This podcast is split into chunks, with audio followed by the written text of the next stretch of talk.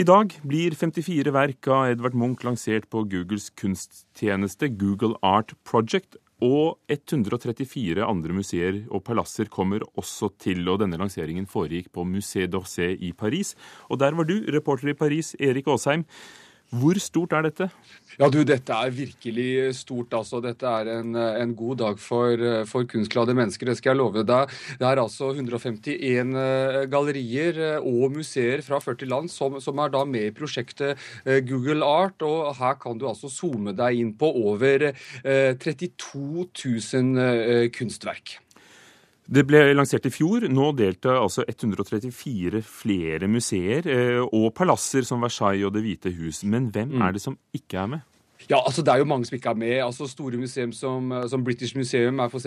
ikke med. Heller ikke Louvre-museet, et av verdens største museum her i Paris, er med på dette. En talsmann for Louvre fortalte meg i dag at de har ikke funnet tid til å, å, å være med på dette, som det ble sagt diplomatisk.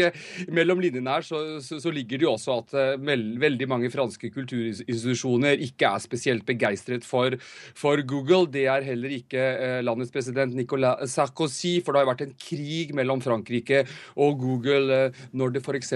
gjelder avfotografering av bøker, som, som Google har, har også et, et, et, prosjekt på. Eh, og Frankrike mener f.eks. At, eh, at Google ikke har respektert opphavsrettighetene.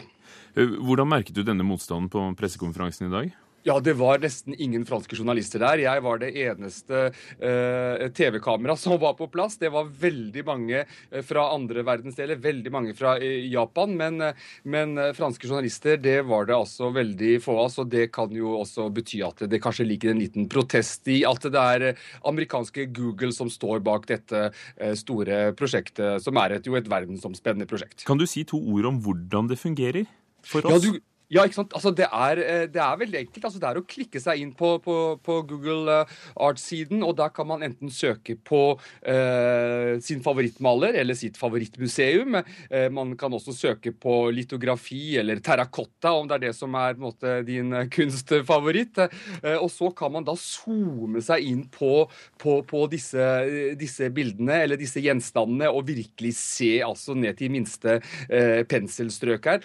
Og et 40-talls Munchs museumer, etter hvert også Munch-museet, vil, vil, gi det tilbudet, så, så, så, kan man også vandre i museumene. altså, altså De filmes av, av disse Google spesialkameraene 360 grader, slik at man nesten føler, man, uh, føler seg som man, man, faktisk er på museumsbesøk. Og så kan man da også zoome inn på bildene som henger på veggene. Takk skal du ha, Erik Asheim, som også hadde vært på Musée d'Orsay i Paris. da da Google Art eh, lanserte disse nye nettstedene tidligere i dag. Eh, dette er altså i Munchs ånd, det sier kunsthistoriker Tommy Sørbø eh, når Munch-museet nå er blitt med. Også direktøren ved museet er glad for at 54 av Munchs bilder og noen fotografier er gjort tilgjengelig for et verdenspublikum.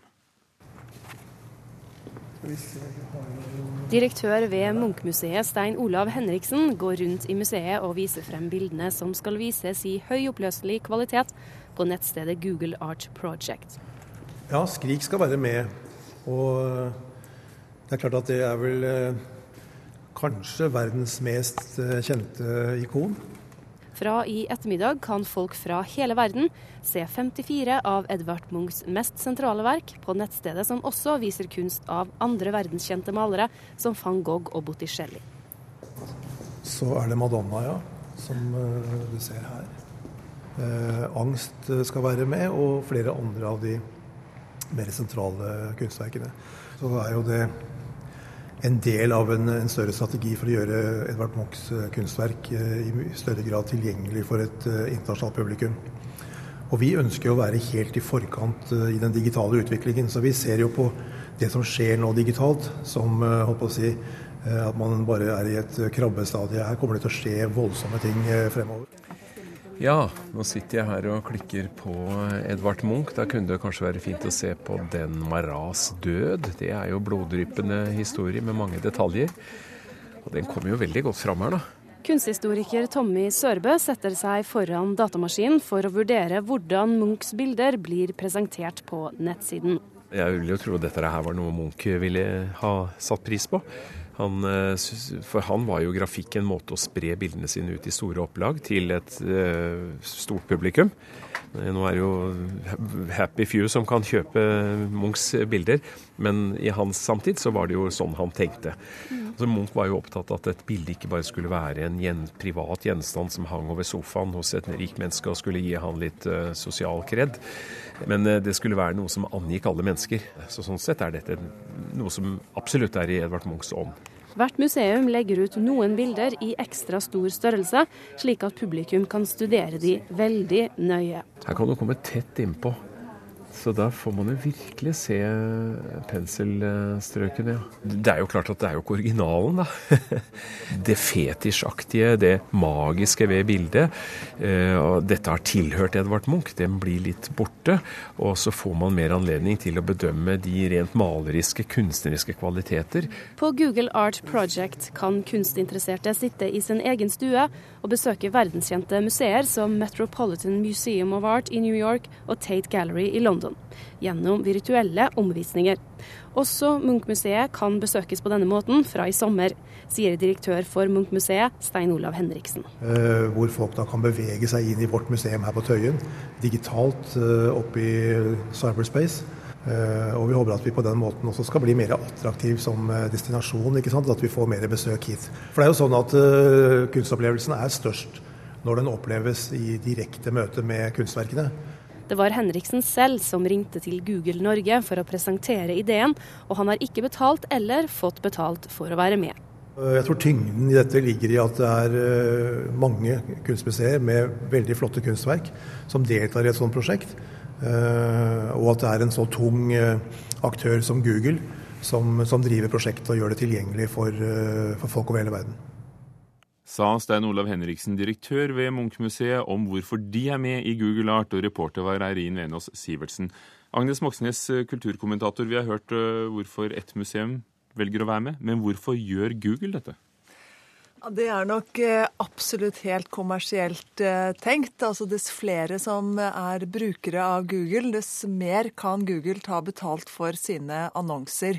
Eh, vi vet jo sånn, sånn, som det er i dag, så er det jo Facebook og Google som stikker av gårde med de fleste reklamekronene fra Norge og fra veldig mange land i verden. Så dette er en måte å holde aktiviteten oppe på. Vi har jo Google Earth, vi har Google Maps, du har bøker som vi hørte om her fra Frankrike, det er bilder, og så har du søkemotorene. De fleste som er innom, bruker jo Google til å lete opp informasjon.